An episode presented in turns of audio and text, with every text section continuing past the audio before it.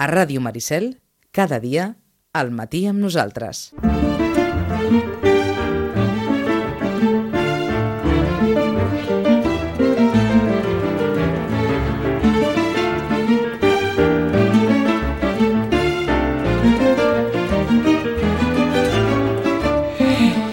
Bé, anem a assenyalar dos noms. El d'una dona i el d'un home. Una escriptora i un crític que confessa en veu alta que mai va arribar a atrevir-se, que li va faltar valor per crear. L'escriptora és Mary Higgins Clark. Ha mort a l'edat de 92 anys, amb més de 50 novel·les, amb un èxit, diguem-ne que comparable al que en el seu dia va tenir Agatha Christie. Una història molt interessant, la d'aquesta dona, perquè el seu primer èxit editorial li va arribar quan acabava d'enviudar amb cinc fills al seu càrrec i vivint com podia d'escriure guions per la ràdio. A partir d'aquest primer èxit editorial en van venir molts més. Mary Higgins Clark. El crític literari és George Steiner, el que diuen que ha estat un dels crítics dels crítics, d'aquells que estan a l'olim de, la, de la crítica. El País avui li publica una entrevista, una entrevista que és del tot singular, perquè és una entrevista que li fa Nuccio Ordine, l'escriptor i filòsof italià que segurament algú de vostè recordarà per alguns llibres d'aquells que, que permeten reflexionar molt, com per exemple La utilitat de lo inútil, i va arribar a un pacte amb el crític. George Steiner el va trucar i li va dir farem una entrevista i l'endemà de la meva mort es publicarà. I el País publica l'entrevista pòstuma de George Steiner a Nucci Ordine que, tal i com es va emparaular entre els dos, s'ha publicat un cop a mort el crític. Una entrevista que comença dient, per si algú de vostès el serveix, els qui es vagin acostant a la bellesa, sobren cometes. El secreto de una buena vejez no es más que un pacto honesto con la soledad. Una reflexió de Gabriel García Márquez quan es va assabentar de la desaparició de George Steiner. Així comença aquest article que incorpora l'entrevista amb el crític George Steiner, entrevista de Nuccio Ordine, un altre dels noms del dia. Rosana Lluc, bon dia, bona hora. Hola, molt bon dia. Bon dia. Uh, uh, no sé pas per on començar perquè hi ha històries, gairebé diríem que molt maques, darrere aquests protagonistes del dia d'avui, eh? Sí, sí, la veritat és que sí. Han sigut una setmana així... Eh? Potent. Amb dues persones, sí, amb dues persones que s'han anat i que, bé, una era una novel·lista que molt volguda pel, pels lectors, així d'intriga i tal, que, que, que era la Mary Higgins Clark, que tenia un públic com a molt fidel, i l'altre era el Joseph Steiner, que tots el seguien per veure què, què, ens, què ens deia, no? Eh, eh, en un moment en què la professió de crític, que sempre ha estat tan, tan denostada a vegades, i sí. encara era d'aquells crítics, diguem-ne, que es mantenia per sobre del bé i del mal, eh?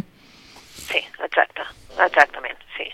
És, Pel que, eh, pel que llegim, òbviament, des de, des de els que heu estat fidels a les seves columnes i a les seves crítiques, segurament en, en teniu, no cal ni dir, una visió molt més profunda i definida, però llegint aquest article d'avui del País és evident que, que s'està parlant d'algú que se situava en un estadi que no era el de, el de la resta de crítics.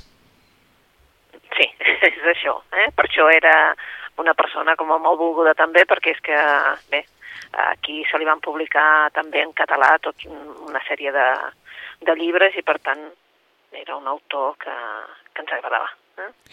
I de Mary Higgins Clark, què en podem dir? A Mary Higgins Clark és el que et deia, és una dona que té un públic molt, molt fidel, molt, molt fidel, que sempre estan buscant els seus llibres, que els seus llibres es reediten sempre, sobretot en butxaca, que se n'ha fet pel·lícules dels seus llibres, i crec que, bé, molt coneguda, molt, molt coneguda. És la, la dama del crim, com tu deies ara, la dama del crim d'ara, Eh? D'ara, no? La, sí, la dama del crim d'ara, en comptes de la gata Christie, pues ella. És que gai, gairebé hi ha, hi ha un fil que les lliga, d'alguna forma, eh? aquesta visió de, de no sé si dir, d'aquesta anciana venerable que escriu novel·les d'intriga i de misteri que atrapen des d'un primer moment i que en totes les fotografies apareix perfecta, amb aquella, amb aquella imatge tan clàssica de la, de la novel·lista de vida tranquil·la i acomodada. Eh? Sí, sí. Eh? Sempre ben pentinada, sempre ben... Exacte, sempre, eh? sempre perfecta. Sempre perfecta. Sempre sí, perfecta. Sí, sí, sí, sí, és un cas curiós perquè a més a més té algunes novel·les que segons quan, quan els vaig llegir en aquell moment que, que té algunes novel·les també amb la seva jove, la Carol Higgins Clark, uh -huh. que és la seva jove, o sigui, la, la que es va casar amb el seu fill, crec que fins i tot després es van separar, però elles dues van fer alguna novel·la conjunta, eh? com a Sequestro Nova York, així, que era de les dues, en, en realitat, i deies, home, dues Higgins Clark. Eh? I tot això ho diem la primera setmana del mes de febrer, que com ens anunciava la Rosana, era la setmana en què sortien a la venda el mapa de los afectos, Premi Nadal, i Pluja d'Estels, Premi Josep Pla, el mapa de los afectos d'Anna Merino, i Pluja d'Estels de Laia Aguilar. Estan a la llibreria ja? Estan ja a la llibreria, el, la Laia Aguilar acaba d'arribar ara mateix, eh, res, he hagut de treure'l de, de la caixa perquè és que acaba d'arribar ara mateix, en canvi el mapa de los afectos va arribar ahir a la tarda, ahir al migdia. Vaja. Amb, amb expectació? Sí. sí, sí, jo crec que mm, en aquests moments potser té més expectació la, la Laia Aguilar, suposo que també perquè és més coneguda, eh, també és veritat que la Laia Aguilar, si recordes, ha fet alguna cosa al juvenil que ha sigut escollida pel, pel, pel, pel, pel Menja Llibres, pel projecte Menja Llibres, i llavors hi ha moltes nanos d'aquí, de la comarca que uh -huh. la coneixen, perquè va fer aquell Wolfman, i després el Wolfman, el secret del pare, o sigui que i la coneixen molt. Vull dir, i llavors, clar, això, aquest salt a la, a la literatura d'adults, que també en té alguna, doncs fa que, bé, que sigui potser més esperada que, que la Merino. Això és així. Vull dir, després ja veurem les màquines i assets del màrqueting que fan, etc etc i si ens posen més un que l'altre. Però el Premi Josep Pla aquest any jo crec que és un llibre també esperat. Eh? Per tant, és La molt que probable que sigui eh? és molt probable que sigui un dels llibres per Sant Jordi, eh? Sí, sí, sí. sí. A més a més l'han fet saps allò, un tamany més petit que el normal, saps? És que aquí anem així, eh? Els de columna o ens fan uns llibres com més grans de, del normal, o bé eh, aquest que és més petitet, saps? És una mica més petit que els llibres. Mhm. I llavors, bé, eh? i és això que diuen, encara no l'he pogut llegir, però vaja, eh? jo crec que serà una novel·la d'aquelles que, que ens agradaran. Doncs vinga, la, les dues primeres grans novel·les d'aquest 2020 tenen nom de dona, Sí, autora femenina, i per on van venint les novetats aquests darrers dies? Doncs, eh, ahir també va sortir una altra dona, l'Almudena Grandes. Mm. L'Almudena Grandes... que Esperadíssima, no? Esperadíssima. Aquesta esperadíssima també, la cinquena novel·la d'aquests episodis d'una guerra interminable, que ja, evidentment, ja, ja, ja esperadíssima, com tu dius, ja hi havia comandes de, de clients que, que volien el llibre, perquè estan seguint uh, la, la sèrie dels episodis aquests i, de fet, era allò que sempre hem dit, eh, està molt bé llegir-se'ls eh, per ordre, però no cal perquè realment costa trobar, saps, el personatge que relaciona amb les altres. Eh? I aquí ens situem realment en l'any 54, eh?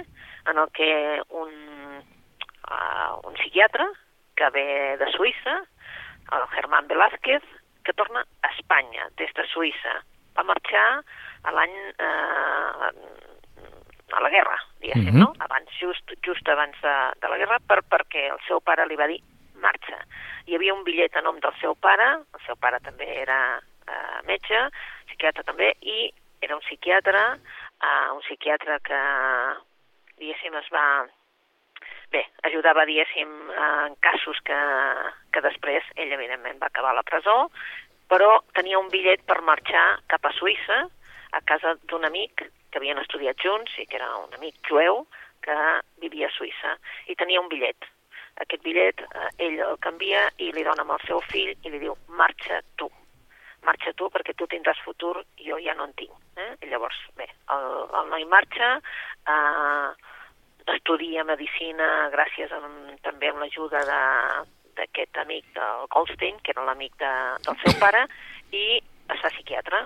Treballa a Suïssa, es casa a Suïssa, i l'any 54 torna cap a, a, cap a Espanya amb una oferta. Una oferta, el seu pare va morir, mmm, la seva mare no, la seva mare és viva, mmm, ha passat una sèrie de privacions, però sempre ell ha, li ha anat enviant diners des de Suïssa, sempre que ha pogut, li ha anat, des de fet, des de que treballava, doncs li enviava diners per, per la seva mare. Bé, ara tenim el, aquest jove psiquiatre, el Germán B. Vázquez, que té una oferta de treball per anar a treballar amb un psiquiàtric a Cienpozuelos. I a Cienpozuelos. I allà, a Cienpozuelos, retroba amb un personatge, un personatge que va existir, que és real, que és l'Aurora Rodríguez Carballeira, que és una dona que eh, molt especial, molt especial, una dona diguem-ne, una feminista d'aquelles radicals, una dona que creia, més enllà del feminisme, creia en una nova una, una nova dona, uh Mhm. -huh. eh, un ésser, eh, diguéssim, especial per sobre de tothom i per això decideix tindre una filla. Però quan veu que la seva filla eh, no està seguint els ideals que ella creu, etc etc, es fa molt famosa aquesta senyora perquè la mata.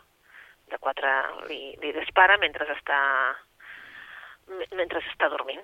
Mm? Clar, eh, el Germán era molt jove, només tenia 13 anys, quan un advocat va portar aquesta dona, l'Aurora Rodríguez Carballeira, Sí. al despatx del seu pare perquè pogués veure si realment eh, estava boja o no estava boja, vale? i per poder-la defensar en els tribunals. Evidentment, um, va ser un cas que molt, molt reconegut aquí, eh, perquè se'n va parlar molt d'aquesta senyora i aquesta senyora semblava que, doncs, que hagués mort i que ningú no en sabia de què, què havia passat, no? Aquesta senyora va morir de càncer en el, en el eh, psiquiàtric de Cienpozuelos. I això li serveix amb la amb l'autora, amb l'Almudena Grandes, per parlar-nos d'aquesta dona, de l'assassinació d'aquesta dona, el que va crear, etc etc, de també de qui anava a parar en els psiquiàtrics en aquell moment, vale? que Mhm. anaven a parar dones, mm, diguéssim, de gent amb molts medis que estaven malament dels nervis i llavors els homes se les treien de sobre, les ingressaven al psiquiàtric i allà s'hi quedaven. Eh? I llavors ells podien tenir una segona vida. I que en els psiquiàtrics hi havia doncs, la gent de primera i la gent de segona, diguéssim, i, saps? Vull dir, tot totalment separat, amb bales separades, amb menjar separat, tot separat, i llavors, clar, fa una denúncia de tot el que passava en aquell moment, com els tenien, com els adormien, com, saps? Bé, eh, en definitiva, eh, la, el Germán doncs, també coneixerà allà una noia, una auxiliar d'infermeria, que també ha tingut una vida doncs, eh, duríssima, que és la neta del jardiner d'aquest manicomi, i a més a més, doncs, eh, bé, cadascú té un secret, i aquest és el que doncs, intentarem esbrinar amb aquesta novel·la. Es diu La madre de Frankenstein, Einstein. eh? i és això. Quina història més... Sí, na- Anava a dir més, més fosca, eh? sí, sí, és fosca, sí, és fosca perquè a més a més, clar, també de tant en tant et van donant una idea de, de, de, de què, què es feia en aquell moment, saps? I ell vol provar un nou medicament per no atontar amb els pacients i per, eh, saps? Per Sí, sí. de... O sigui, una, una visió de la, de la seva condició professional diferent a la que es podia tenir a l'època, no? A l'època, sí. A més a més, clar, hi ha el xoc de cultures Veres. perquè ell ve d'un país de Suïssa i Mhm. aquí, aquí hi ha moltes coses que no es poden fer. O sigui, moltes coses que no són ben vistes, moltes coses que, que no, xerrades de, diguéssim, la Iglesia també mana molt encara i bé, és, saps allò que es van destapant cosetes, saps? Que és el que fa la, sempre l'Almudena, eh? Mm. Ens fa un retrat, un retrat social de l'època. A part d'explicar-nos la novel·la, fa un retrat social de l'època i de què estava passant. I era l'any 54. 54. Eh? Perquè els episodis d'una guerra interminable han d'acabar aquí o han de seguir? No, em falta un. En falta un. Un, sí. Ella va dir que era un, una sèrie de sis i ens en falta un. En definitiva, bé, suposem que d'aquí dos anys, més o menys, ja tindrem l'últim. Més Això- o menys, eh? Dic més o menys perquè serà més o menys, eh? Això és l'obra d'una vida, eh? Sí, sí, sí, sí, sí, és l'obra d'una vida, però realment, saps? Ara que aquest any que, eh, que, que, que celebrem també l'any Galdós, pues, també és això, eh? Ella fa un homenatge al Mhm. Galdós amb aquests episodis, eh? Està clar. guerra, Però ell, ell, ella fa amb sis i en té prou, eh? D'acord. Ella diu que amb sis ja, ja fa, eh? ja farà, eh? Perquè eh, qui, qui s'hi atreveixi, que no sé si darrerament algú s'hi ha atrevit o no, amb els episodis nacionals que en el seu dia fins i tot es varen vendre en fascicles. Hi havia una col·lecció en fascicles dels episodis nacionals de, de Pérez Galdós, doncs per descomptat, que allò és ja, ja no l'obra d'una vida, la de dues o tres vides encadenades. Almudena Grandes, la madre de Frankenstein, aquest és el volum cinquè dels episodis d'una guerra interminable, del sis que hi ha d'haver, situada a l'Espanya del 1954. Per on seguim? Per on seguim? Doncs mira, eh, podem seguir, eh, fa uns dies es va, si recordeu, la setmana passada, crec que sí, es va celebrar el 75è aniversari de l'alliberament de, dels camps de, Sí, d'Auschwitz. el dilluns passat. Exacte, i amb això doncs, hi va haver, doncs, eh, clar, ha fet, alguns editors van aprofitar per treure'ns eh, llibres sobre el tema. Eh? Um, bé, doncs eh, una editora que, que ha aprofitat i ens ha portat alhora dos volums que podrien estar relacionats és la, la Maria Boigues, del Club Editor, que ens presenta eh, dos volums. Un és de la Charlotte Delbo, que és un testimoni personal, perquè ella va néixer a, a França el 1913 i va morir també a Ravensbrück el, el, el 45, però va ser alliberada, la veritat és que ella va ser alliberada dels camps de, de concentració i és una de les, diguem-ne, per d'alguna manera, de la gent que va poder explicar-ho. Eh? Uh, bé, les, mm, la Charlotte Delbo ja ens ho va explicar amb un, un coneixement inútil i ara tenim aquí una obra que diu Cap de nosaltres tornarà. Uh -huh. I és... Si no recordo malament, Rosana, ens la va recomanar fa 15 dies, Sí? perquè ha estat una d'aquelles ha estat una d'aquelles novel·les que precisament com tu dius ha estat molt present en els mitjans arran del 75è aniversari de l'alliberament d'Auschwitz i recordo precisament que parlàvem de la història d'aquesta dona que va deixar per escrit aquesta, aquesta memòria de tot allò que, que va viure i aquest cap de nosaltres uh -huh. tornarà. Eh? I després no sé si us vaig recomanar, crec que no, El monstre de la memòria. aquest sí que no Aquests que no. Aquest és d'un autor uh, d'ara, un autor que em sembla que avui, no sé si és avui, que sortia a la contra de l'avantguàrdia. i fa molt Ah. pocs dies a TV3 em sembla que li feien una petita entrevista Exacte, el Mhm. Yisaid Sarit. ah, eh? exacte Vale, un autor d'Israel, un autor que... que és Un autor jueu. Mhm. Un autor jueu, sí, i la veritat és que, bé, eh, és un, un home que és com a molt patriota, però alhora, en aquest El monstre de la memòria, el que ens explica és un... Eh, el que vol és... Eh, ens posa una novel·la d'un jove historiador israelià que, bé, ell està especialitzat en mètodes d'extermini nazis i, bé, eh, llavors veu que està casat, té un fill i li ofereixen ser eh, guia eh, dels camps de concentració de Polònia pels nanos que surten d'Israel. Veu que a Israel tots els nanos d'una certa edat que estan al final de, de l'institut, per dir-ho d'alguna manera, fan un viatge mm, cap, cap a, uh -huh. cap als camps de concentració cap als camps de concentració i és a partir d'aquí que ell fa de guia. Vale? Clar, llavors, mm, bé, ell fa una relació entre el que és avui, el que està fent avui i també com vivien en aquell moment i què hi havia allà. No? Uh, la novel·la que els vol posar sobre la taula és el tema de realment uh, és bo que els nanos vagin a veure una realitat fora de tot el context. És a dir, els nanos d'avui poden realment assumir allò si no se'ls explica bé, se'ls fa des de casa una reflexió, etc etc. perquè el que es troba, ell, com a guia, eh, això és com a, a, la- a la novel·la, eh, Mhm. és que, clar, el, els nanos no ho han sacralitzat, la majoria no ho han sacralitzat i per tant es poden fer selfies, es poden fer, saps, uh, fotografies en les... Això ho hem vist també en els diaris, sí, no? Sí, oh, i tant. Això, I, um, clar, com a banalitzar moltíssim un fet que, que és colpidor per molta gent. I llavors, eh, per altra banda, també radicalitza molt segons qui. I surten d'allà amb molta odi. Eh? Vull dir, vestits amb la bandera i amb molta odi. I ell el que vol posar de palès és que eh, potser no ho estem fent bé, potser aquí el que cal és mm, doncs, eh, fer-ho d'una altra manera, eh?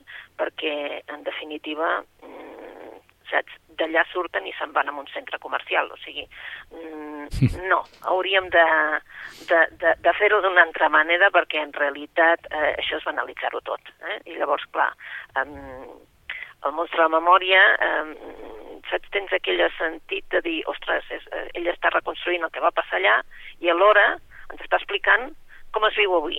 I llavors, clar, això és un, una realitat que és aquest monstre de la memòria que ens està menjant. Mm? És una novel·la com a que te l'empasses, te l'empasses realment, perquè estàs veient que li està passant amb ell també, i s'està qüestionant també aquesta feina també, i clar, mm, per altra banda, ha de donar de menjar al seu, a la seva dona i al fill. Eh? Per tant, una altra novel·la. En l'entrevista que li feien a TV3, si no recordo malament, reflexionava no, molt sobre la, la banalització de determinats personatges de la, de la història, sobre si a vegades el fer determinades bromes o, o que alguns personatges de la història o alguns moments de la història acabin convertint-se en protagonistes de, de programes d'humor d'una forma recurrent, acaba blanquejant aquell, aquell personatge. Vaja, que com semblant el que, el que s'havia comentat allò amb un cert esperit crític amb la figura de, de Franco a través del Polònia.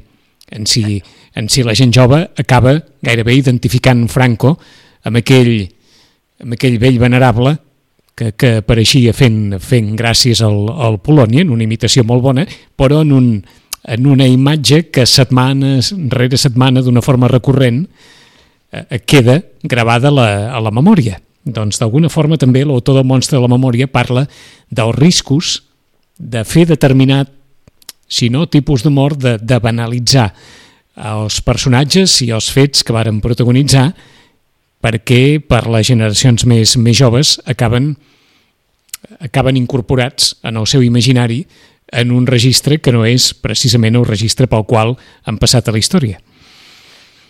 Doncs Això... una lectura reflexiva aquesta, eh? Una lectura reflexiva, sí. I, però la veritat és que la novel·la és com a lleugera, però alhora va, saps? Et eh, va, et va impregnant i vas dient, eh, sí, no, no, és clar, és que no, Eh, I sabem que aquí, per exemple, eh, hi ha nanos que hi estan anant, però la veritat és que s'està fent una feina també de, de parlar-los i de què és, etc etc. però això no fa que, clar, mm, saps? És això, mm -hmm. banalitzar-ho Sí, sí. Eh, això. Es contraposava en aquella imatge que encara podem veure dels supervivents sí. del camp d'Auschwitz, en aquella cerimònia tan, tan carregada de, de, emocionalment parlant i de, amb tota la transcendència que té i per altra banda aquestes visites multitudinàries a cop de, de selfie al costat de, de l'entrada o dels fons crematoris o d'algun de, dels indrets eh, que veritablement, diguem-ne, criden molt l'atenció. Vaja, que diu molt de la, del moment també que, que vivim. Eh? Que vivim, sí. El monstre de la memòria de Yishai Sarit, suposo que no en coneixíem massa referents de, de, de l'autor? No. no. Gens, no, eh? gens, gens. Gens, gens. Però, clar, és un senyor que, clar, parles amb ell i, clar, tot és com a, no? Uh -huh. és com a tot molt fluid. Eh? Està clar. I ho té molt clar, eh? Doncs el mostre de la memòria al costat de, com deia la, fa 15 dies la Rosana, Cap de nosaltres tornarà, de Charlotte Delbo, una altra novel·la que aquests dies s'ha conegut molt a través de, dels mitjans, les memòries que en el seu dia va escriure aquesta dona de portada i de com ho va viure. Per on seguim, Rosana?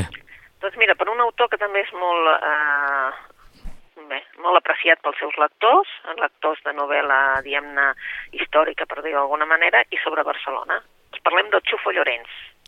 Xufo Llorenç és un senyor barceloní que va néixer el 31, i la veritat és que mm, la gent eh, els hi va encantar Doner de la Terra, El mar de foc, després també va fer el del Passeig de Gràcia, que era...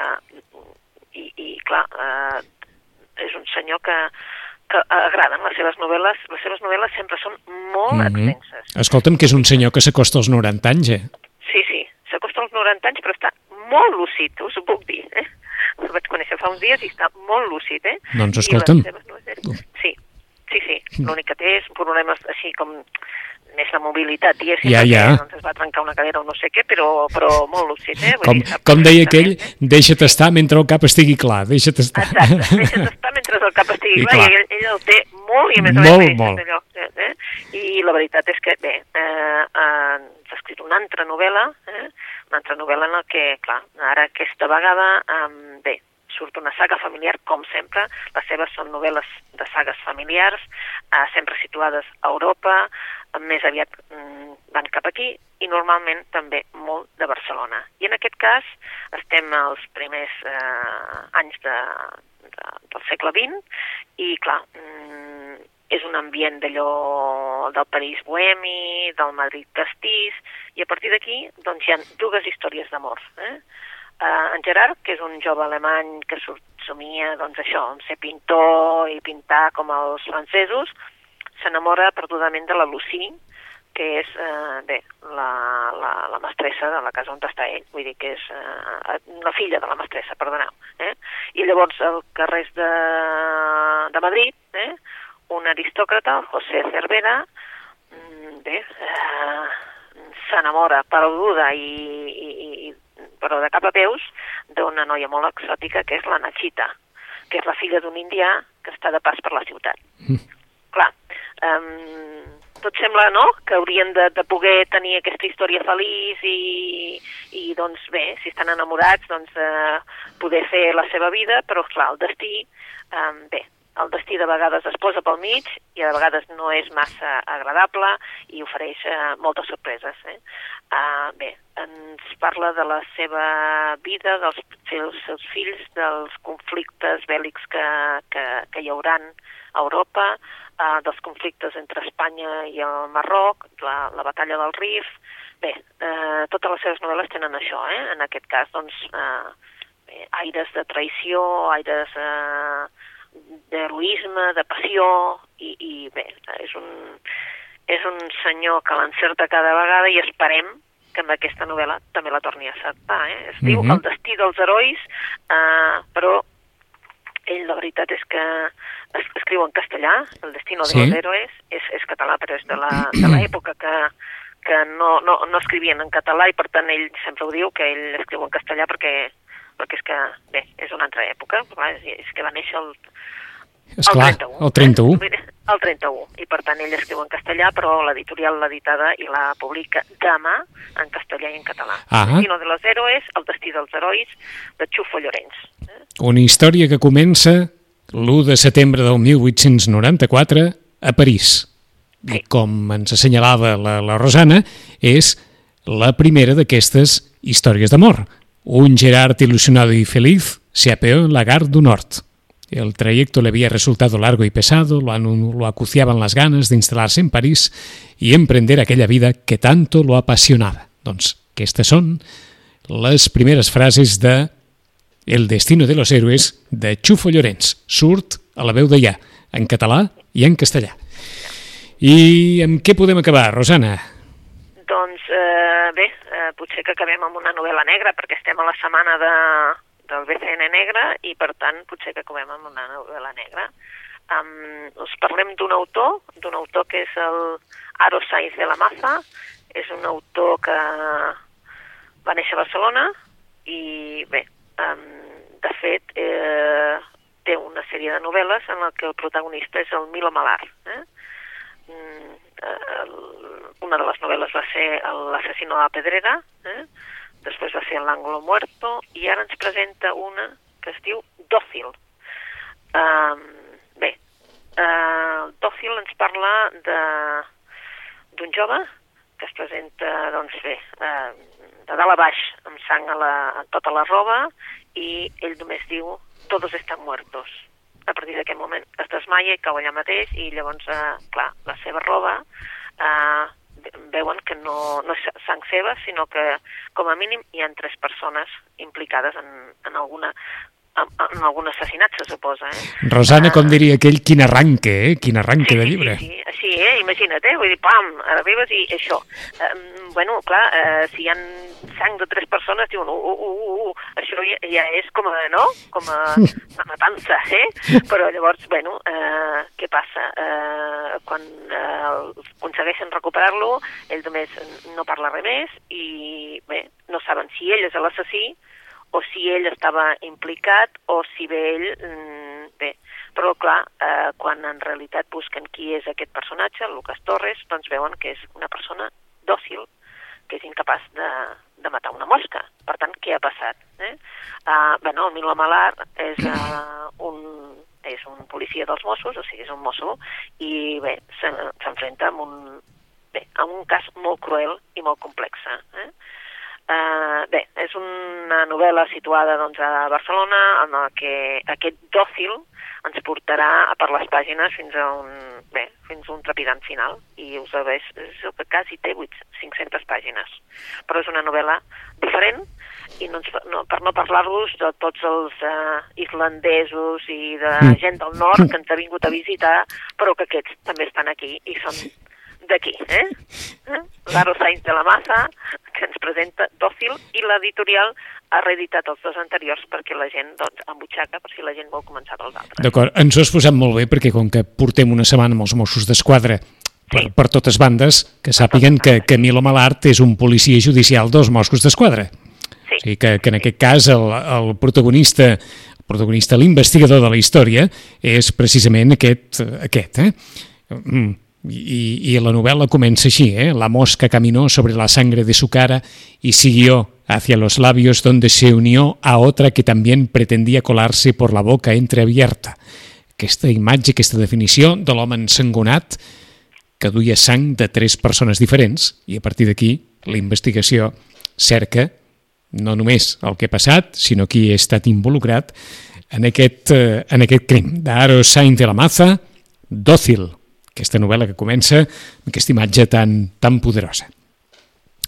Anem a fer un repàs als llibres d'avui perquè hem començat precisament aquells que tinguin interès en llegir el Premi Nadal i el Premi Josep Pla han acabat eh, de sortir, ja estan els dos a la llibreria, tant El mapa de los afectos d'Anna Merino com Pluja d'Estels de Laia Aguilar, tots dos disponibles ja, per tant aquí li cridi l'atenció, els té.